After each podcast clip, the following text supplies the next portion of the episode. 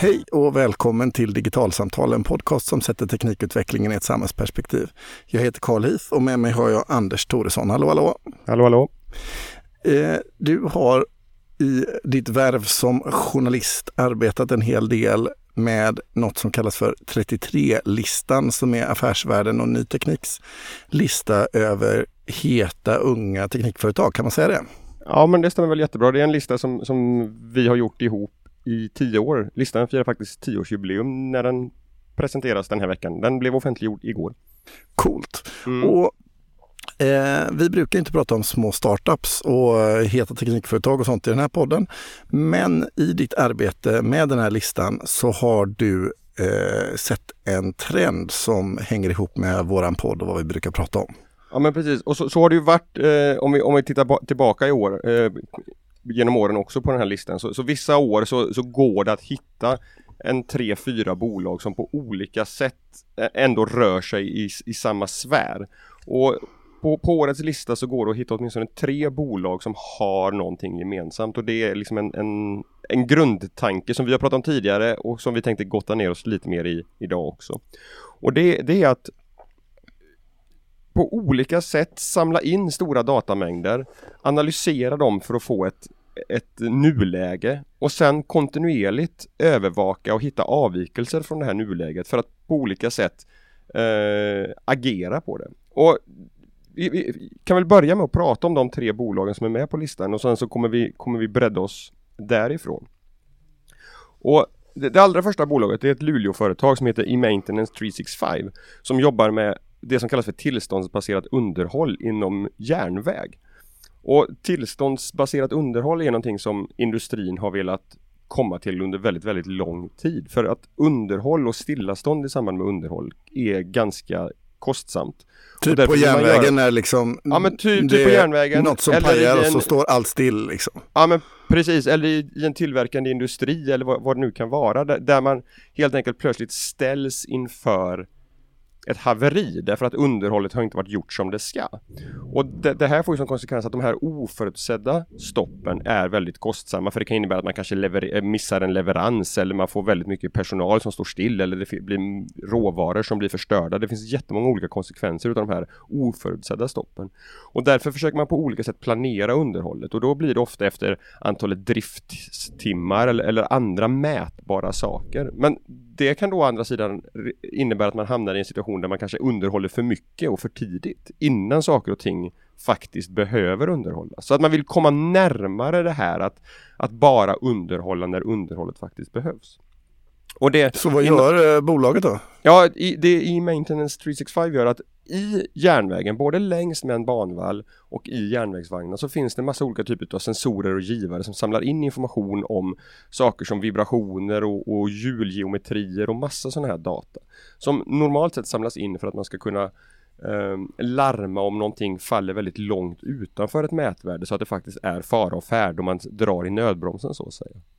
Men det företaget då baserat på forskning från Luleå tekniska universitet eh, har kommit på är att man kan samla in den här datan för att få ett normalläge och sen kan man då se att men nu är det ett värde som börjar krypa iväg. Vi har en, en trend som börjar avvika här och den trenden i sig då är en indikation på att nu är det någonting som faktiskt behöver tittas på för att annars kanske vi når det här oförutsedda stoppet istället och då kan man planera så, in ett tidigare underhåll. Så vad man gör är liksom att man liksom helt enkelt har en mätfrekvens kan man säga. Där man mäter precis hela tiden. Och precis. utifrån det samlar in data hela tiden givetvis som gör att man helt plötsligt kan se de här trenderna som man kanske liksom inte med blotta ögat eller på andra sätt kan, kan, kan fatta. Ja men precis och, och den, den, underliggande teknikutvecklingen här som, som har gjort det här möjligt och om vi tittar på det i ett större perspektiv det, det, är väl egentligen tre olika saker som har hänt där. För det första så har datalagring, kostnaden för att lagra information sjunkit något alldeles kopiöst på senare år vilket gör att det går att samla in och ligga på den här datan. Man måste inte ha en direkt nytta utav den här och nu som man kanske var tvungen att ha för ett, för ett tag sedan.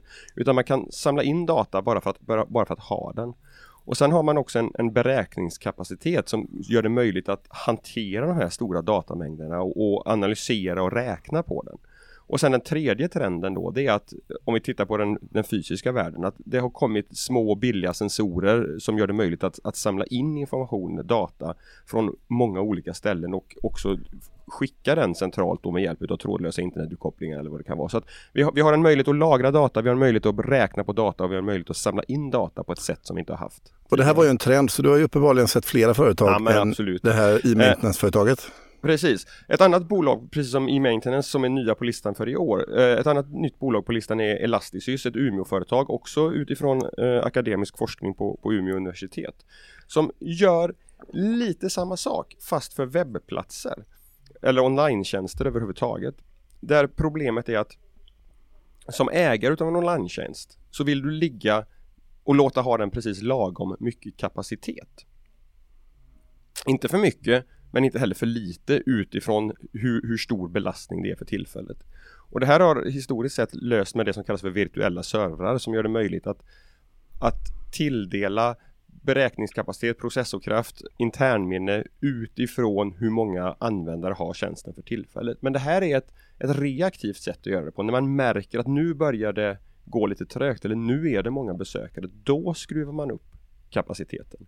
Det Elastisys har utvecklat. Det är en teknik som tittar på olika typer utav, utav dataströmmar och kan istället förutspå att nu har vi en belastningstopp på gång och därmed proaktivt ge tjänsten den extra kapaciteten som ah, behövs. Eller, okay. eller, eller, så, så man liksom har ett, liksom, eh, ett mönster i datan och mängden trafik så ser den att liksom, ja men nu imorgon så kommer det vara dubbelt så mycket trafik som idag. Och då ja. liksom trycker den upp möjligheterna till att liksom ge utrymme för det fa, fa, innan det, det liksom faktiskt ens eh, syns och så blir det liksom inga kapacitetsproblem. Ja men precis, fast, fast det är ett betydligt kortare tidsperspektiv än, än, än så. Och också en möjlighet att, att fördela Eh, kapaciteten eh, geografiskt i världen bland annat på, på, olika molnleverantörer så att, så att kapaciteten skruvas upp där, där den faktiskt behövs.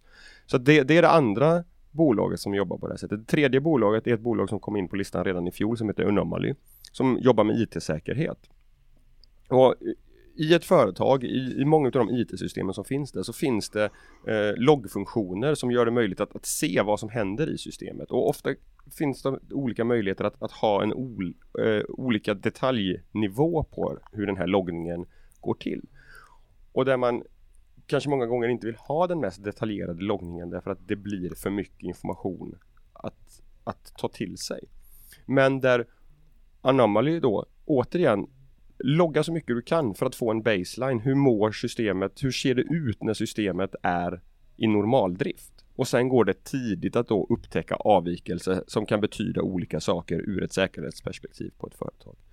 Så att det är återigen det här liksom, samla in data i form av att skruva upp log loggningen, lagra den därför att vi kan och beräkna eftersom vi nu har de möjligheterna och sen kunna dra slutsatser och fatta beslut utav det här. Så det, det, det, är tre bolag på årets upplaga av 33-listan som, som jobbar med liksom en, en åtminstone angränsande eh, grundtänk applicerat på helt olika ställen. Men, men precis som du börjar med att säga så är ju det här inte det här är inte en trend som vi bara ser på 33-listan utan det är någonting som vi har egentligen pratat om i digitalsamtal i ett antal gånger tidigare och som går att se på många, många fler ställen runt om i, i samhället och industrin också. Och, och det som blir intressant här någonstans tänker jag det är ju att helt plötsligt så har vi möjligheten att samla in en massa data och på sätt som inte tidigare var möjliga och till en låg kostnad och då blir det liksom helt plötsligt möjligt att ha allt, all, all denna data och hitta de här olika mönstren som du beskriver. Jag kan ju på en gång tänka mig att det finns ju mängder av miljöer och sammanhang där det här skulle ha stora värden och där man kanske inte gör det idag. Jag tänker på ja, men processer i sjukvården till exempel. Om vi har en massa sensorer i sjukvården och vi bär dem på oss och så vidare. Tänk om den datan skulle kunna beskriva och visa saker och ting om hur liksom hur vård kan göras bättre. Ja, där tänker jag mig att det borde kunna gå att hitta, hitta tillämpningar både på en, en systemnivå i sjukvården för att se liksom hur ska vi organisera sjukvården men givetvis också på en patient nivå och, och där det här givetvis görs. Ett annat exempel som, som jag också har skrivit om rätt nyligen det är hur, hur man i, i tillverkande industri har börjat jobba med de här sakerna. Volvo lastvagnars fabrik i Tuve till exempel där man har börjat mäta väldigt noggrant hur, hur vissa kritiska så kallade skruvförband där man drar ihop en lastbil med hjälp av en, en skruv och en mutter hur, hur, man mäter dem på detaljnivå, inte bara vilket, vilket moment man har dragit åt det här skruvförbandet med utan också hur många varv som har krävts att man snurrar på skruven för att nå det här momentet som man vill ha. Och tillsammans så säger de här två uppgifterna någonting om, eh, om det här skruvförbandet har blivit monterat på rätt eller fel sätt. Och där man återigen då dels kan hålla koll på ett enskilt förband men också genom att göra det här systematiskt på, på många som dras kan hitta hitta mer strukturella avvikelser. Det kan visa sig till exempel att en, en, en leverans utav en, en, en, skruv där är de inte smörjda, smorda som de borde vara. Eh, ABB har liknande tankar på sikt där man kan eh, ha många kunder som installerar få exemplar utav exempelvis en pump. Och då blir det svårt att dra slutsatser av, av den pumpen, hur den mår, bara utifrån den data som genereras hos en enskild kund. Men om man kan aggregera, samla in all den här eh, driftsdatan från många kunder, vilket är möjligt tack vare internet och molnet och allting sånt här, så kan man låta de här kundernas data tillsammans bygga basen för hur den här pumpen normalt sett ska må och sen då hitta avvikelser från det gemensamt normala ute hos en enskild kund och serva den vid, vid rätt eh, tidpunkt. Och, och, och, när du pratar där så tänker jag att det finns ju liksom helt uppenbart många olika ställen där man skulle kunna liksom eh, dra nytta av det här. Men det bygger som du är inne på, på att man samlar en massa data och där man kanske inte riktigt vet vad man ska ha datan till. Det känns liksom som att helt plötsligt, eftersom de här möjligheterna finns, så är liksom data hoarding någonting som, eh, som helt plötsligt blir liksom riktigt värdefullt för ett företag. Det är bäst att samla på så mycket data som möjligt för man vet aldrig när man har behov av det innan. Nej men absolut och, och det här är någonting som har dykt upp i, i flera av de intervjuerna som jag har gjort om det här under senaste halvåret. Att tidigare så kanske man var tvungen att, att fundera på i förväg vad är det egentligen jag är intresserad av att mäta? Man behöver ha en teori om vad är det för mätvärde som säger någonting om den här processen eller det här systemet som jag har lust att övervaka eller styra. Men, men tack vare de här väldigt stora datamängderna så går det att, att komplettera den här detaljerade övervakningen med en mer generell övervakning där man åtminstone får en indikation på att nu börjar systemet avvika från det normala. Det kanske inte med en gång ger en indikation eller ett svar på vad i systemet är det som inte mår bra. Men, men bara det att du ser att nu har vi tre mätvärden som börjar sticka eh, i, från hur de normalt sett ligger ger en, en, en hint om att nu behöver vi gå in och fundera på vad är det faktiskt som, som orsakar den här avvikelsen och då hitta problemet eller kanske till och med, ibland är det ju så att, att den här avvikelsen kanske är svaret, det man letar efter. Men, men alldeles oavsett så, så du behöver inte alla gånger kanske längre veta på förhand. Vad är det som jag ska hålla ögonen öppna efter? Utan systemen kan hitta väldigt, väldigt sublima små avvikelser i jätte, jättestora datavolymer. Allt det här låter ju liksom jättebra och det finns ju, kan man ju se en mängd nyttor också ur ett liksom samhällsperspektiv om den här typen av liksom processer och system tänk går att implementera i olika typer av liksom stora komplicerade offentliga system också. Men med det sagt så har vi ju också i podden många gånger pratat om det här med data och insamling av data och att jag som Eh, medborgare eller kund eller vem jag är i sammanhanget ska ha rätt till min data, att kunna se min data. Och vi har också pratat om begrepp till exempel som data minimization där det liksom utifrån mig som kund liksom är, kanske inte alltid finns ett uppenbart värde för mig som individ varför ett visst företag eller en myndighet ska lagra en viss information om mig. Och vi har en mängd exempel på där den här typen av liksom godtyckligt sparande av data för datans skull sen kommer att användas till helt andra saker än det som ursprungligen var tanken och kanske ursprungligen var det som jag gått med på som användare att ge min data för. Och här hamnar man ju i ett slags liksom klurig situation där det finns helt uppenbara stora värden av den här omfattande datainsamlingen. Men samtidigt så eh, har vi en stor utmaning vad gäller eh, individens möjlighet till insyn över den här datan och, eh, och privacyfrågor och så vidare. Såklart om det här sker i industrin och det handlar om eh, olika typer av industriella processer eller att mäta på ett järnvägsspår eller sådär. Då hamnar man inte i den diskussionen men när det närmar sig mera eh, individorienterade processer då har man ju anledning att fundera över sådana där frågor. Ja men, men så är det ju absolut. Alltså det, det som vi har pratat om hittills är, är ju liksom i min värld helt okontroversiellt därför att det är intern data hos ett enskilt företag som de analyserar för att, för att förbättra sina processer. Men om vi ska vara komplicerade då, om vi tar ett eh, eh, intern data ifrån ett företag som samlar information om sina egna användare, till exempel eh, ja, vilket, vilket företag det nu än kan vara som har det som affärsmodell att ja. eh, eh hämta data om mig. Är det ändå okej okay att göra det då? Nej men då, då börjar vi hamna i, i liksom hela diskussionen om, om den personliga integriteten och, och vad, vad, som ska få lov att användas om mig utan att jag vet om det. Men också en, en betydligt alltså komplicerad diskussion också då när det är samhällsnytta som byggs utifrån den datan som jag som individ lämnar ifrån. Men vi var inne på det för ett antal avsnitt sedan när vi, när vi pratade om hur, hur cancerforskare hade samarbetat med, med Microsoft och tittat på sökhistorik från Bing. Uh, och där man eh, liksom har sett tecken på att man kanske skulle kunna bygga ett, ett early warning system för vissa typer utav utav svårdiagnostiserade cancerformer utifrån vad du faktiskt söker efter i, hos, din, hos din sökmotor. Och där är ju liksom, ett, ett, liksom den här avvägningen som behöver göras. Ett, ett ställe där den behöver göras. Den här liksom mellan den personliga integriteten, nämligen vad söker jag efter och den samhällsnyttan som det blir om man på ett tidigare stadie kan hitta eh, cancer i, hos, hos fler individer när den fortfarande är, är behandlingsbar.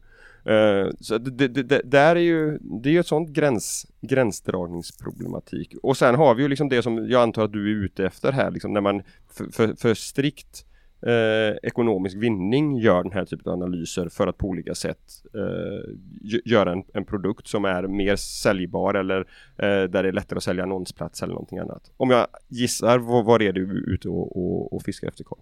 Alltså, ja, lite grann för någonstans för mig så är det ju liksom Eh, jag, jag håller med. Det är, finns ju enormt mycket värden i industrin och i sjukvården eller i många andra sammanhang att ägna sig åt den här typen av datainsamling. Men det jag funderar över det är liksom eh, att det inte känns särskilt binärt. Antingen är det bra eller dåligt utan det finns många exempel där det här är eh, en gråskala och som du är inne på där det ställs olika värden mot varandra. Vi har ju oftast pratat om det här med datainsamling i termer av konflikten mellan säkerhet och integritet. Att är man den som jobbar i ett säkerhetskontextuellt sammanhang så vill man samla in data för man vet att det är Eh, på olika sätt kan användas och är bra att ha i händelse av att man i ett senare skede skulle behöva veta och så vidare. Och vi har haft en mängd diskussioner, eh, både liksom politiskt och juridiskt, just i, i, i det här språnget mellan säkerhet och eh, integri individens integritet. Men när det kommer till samhällsnytta och integritet, då är frågan på något sätt lite annorlunda. För jag kan ju känna att eh, nyttan som finns ur ett samhällsperspektiv i många fall eh, kanske gör det bra för oss allihopa och då kanske jag kan tänka mig att göra lite mer avkall på integriteten. Jag tänker på sådana saker som att det börjar dyka upp forskning som pekar på att om man liksom har mjukvara i sin telefon som känner av liksom hur man går och rör sig och, och lever sitt liv eh, så kan den till exempel eh, datan där hjälpa en att känna av tidiga tecken på demens till exempel. Eller annat. Och i ett sådant läge så kanske man vill eh, liksom ha den typen av liksom funktioner mer generellt påslagna för att kunna fånga upp eh, och hjälpa människor. Samtidigt som man ju såklart också i så fall kontinuerligt övervakar alla. Och vi vet ju många exempel på där det sker ändringar i en stat eller i ett företag och som innebär just att datan kommer att användas till andra saker än det den ursprungligen var tänkt för. Så det här är liksom inte eh, särskilt enkla frågor. Jag har inget riktigt bra svar på vad jag själv skulle dra gränsen mellan vad jag ser som datainsamling för ett samhällsnyttoperspektiv kontra datainsamling för att, eh, eller att, så att säga, stävja det ur ett integritetsperspektiv. Utan man behöver liksom hitta ordningar på det här som är rimliga och, eh, och där, men, men och där man kan ha liksom det aktiva samtalet igång. För det är ganska lätt tror jag att man upptäcker att helt plötsligt en dag så står vi där att vi har en oerhörd mängd data som används till fel saker och det gör mig lite tveksam. Ja men så är det ju, men, men det, det här, den här diskussionen kompliceras ju också av det faktum då att det går inte alltid på förhand att säkert säga vad går den insamlade datan att använda till. Det, det finns liksom en pågående diskussion om ska man, ska man reglera hur data om individer får samlas in? Eller ska man istället reglera hur data om, som användarna har lämnat ifrån sig får användas? Uh, och, och där, där, jag har sett och liksom argumenten för att de som vill begränsa på insamlingsstadiet, de menar på att ja, men det här är per definition integritetskränkande saker som vi samlar in och det finns alltid en risk att den här datan hamnar på avvägar eller används på sätt som den inte borde användas. Men medan de som menar på att ja, men låt oss samla in data för vi kan inte veta. Det, det är ju de som hamnar i det här facket att, att ja, men typ återigen Microsoft och, och, och, och, sökningarna på Bing. Att det är ju ingen kanske som, som i förväg skulle kunna tänka sig att, att sökhistoriken går att använda på det här sättet. Och har man då inte ens tillåtit att det här samlas in då kan man inte göra den här samhällsnyttiga analysen utav datan heller. Och jag, jag vet inte heller liksom vart jag står i, i de här frågorna men, men det är ju definitivt någonting som behöver diskuteras och, och resoneras kring och, och fattas kanske kan jag tänka framförallt aktiva beslut kring så att det inte bara blir som det blir när, när det de här frågorna utan att vi faktiskt behöver ha pratat igenom dem och med vi så menar jag i, i ja, på, på stor samhällsdemokratisk skala liksom.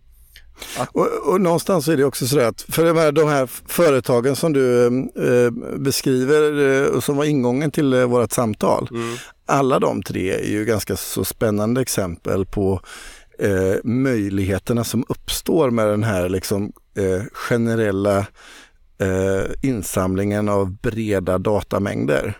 Ja, men eh, precis. och den trenden den kommer ju garanterat att växa sig starkare och tids nog så kommer ju också, och det kanske redan finns bara att vi inte riktigt vet om det just i den här podden, företag som ägnar sig mot samma affärsmodell men där just frågorna om liksom vilken data handlar det om och på vilket sätt används den här blir mera eh, viktiga här och nu så att säga ur ett samhällsperspektiv. För i, i de här tre fallen så känns det ändå hyggligt eh, okej okay. eh, och det är som goda nyttigheter för industrin. Så, så det är verkligen en, liksom, en stor grå skala där vissa saker verkar helt okej okay och andra saker behöver man liksom verkligen fundera över. Ja, men, nej, men så är det. Jag, jag tycker att de här, de här tre 33-listeföretagen, där, där ser jag inga, inga problem ur, ur ett liksom, individperspektiv. Uh, och, och, så att de, de ligger väl i ena änden av skalan och sen, sen så andra företeelser som, som vi har pratat om ligger ju i andra änden och sen så har vi hela den här, precis som du säger, den här gråskalan där, däremellan. Men jag menar mycket av det som har diskuterats kring kring NSA och deras analyser för, för att hitta, hitta terrorister på internet och i, i sociala medier. Det, det är ju också egentligen samma grundtänk här på något sätt. Att, att vi utgår ifrån eh, och försöker, försöker trolla fram de här avvikelserna i, i systemet. E, en tillämpning för det här som har funnits jättelänge det är ju kontokortsbedrägerier och det som banker och kortföretag ägnar sig åt för att hitta eh, kreditkortsbedrägerier där man har en baseline för hur, hur brukar Karl använda sitt kreditkort och blir det plötsligt ett köp någon annanstans ifrån, ja men då är det en, en varning om att nu är det nog, nog någonting som inte riktigt är som det ska här. Jag, jag fick det, jag fick ett, ett brev från mitt kortföretag för ett år sedan ungefär, där de talar om att nu har vi spärrat ditt kort, för vi har sett korttransaktioner, försök till korttransaktioner som inte stämmer med hur du brukar använda det. Och det skulle inte vara möjligt att göra om man inte samlade in all den här informationen och tittade på, på mina kortköp ur en mängd olika, olika aspekter. Nej, och eh, där blir man ju bara glad för att det är någon som mm. har kontroll. Och samtidigt så är det ju liksom mina ekonomiska flöden, de är ju också liksom väldigt nära mig ur ett integritetsperspektiv. Så, så det är ju liksom, det är ju, men där, jag, skulle inte, jag har inga som helst synpunkter på att banken kör den typen av logga. Jag har ändå gett dem ansvaret för mina pengar någonstans. Ja, men, eh, men, men, men, det jag tror att man kan så är jag ganska oreflekterad kring det får jag erkänna.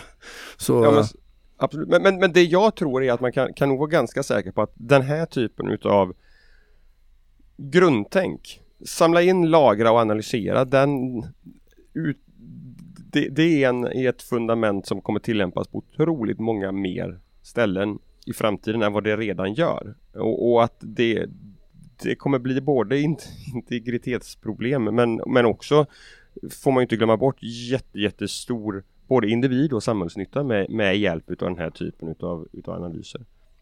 Vi får väl återkomma till detta när vi ser eh, fler eh, spännande exempel på det. Och om ni som lyssnar har exempel får ni jättegärna posta eh, i våra show notes på eh, Facebookgruppen Digitalsamtal eller i på Digitalsamtals Facebook-sida. Med det här så rundar vi nog av podcasten surfa gärna iväg och eh, likea oss på Digitalsamtal på Facebook som sagt. Eh, vi finns på Twitter på ett digitalsamtal och är det så att ni prenumererar på någon poddspelare så gå gärna in och recensera och betygsätt så att vi hamnar högre upp i sökresultat och fler får möjlighet att hitta till oss. Men till nästa gång, hej då! Hej då!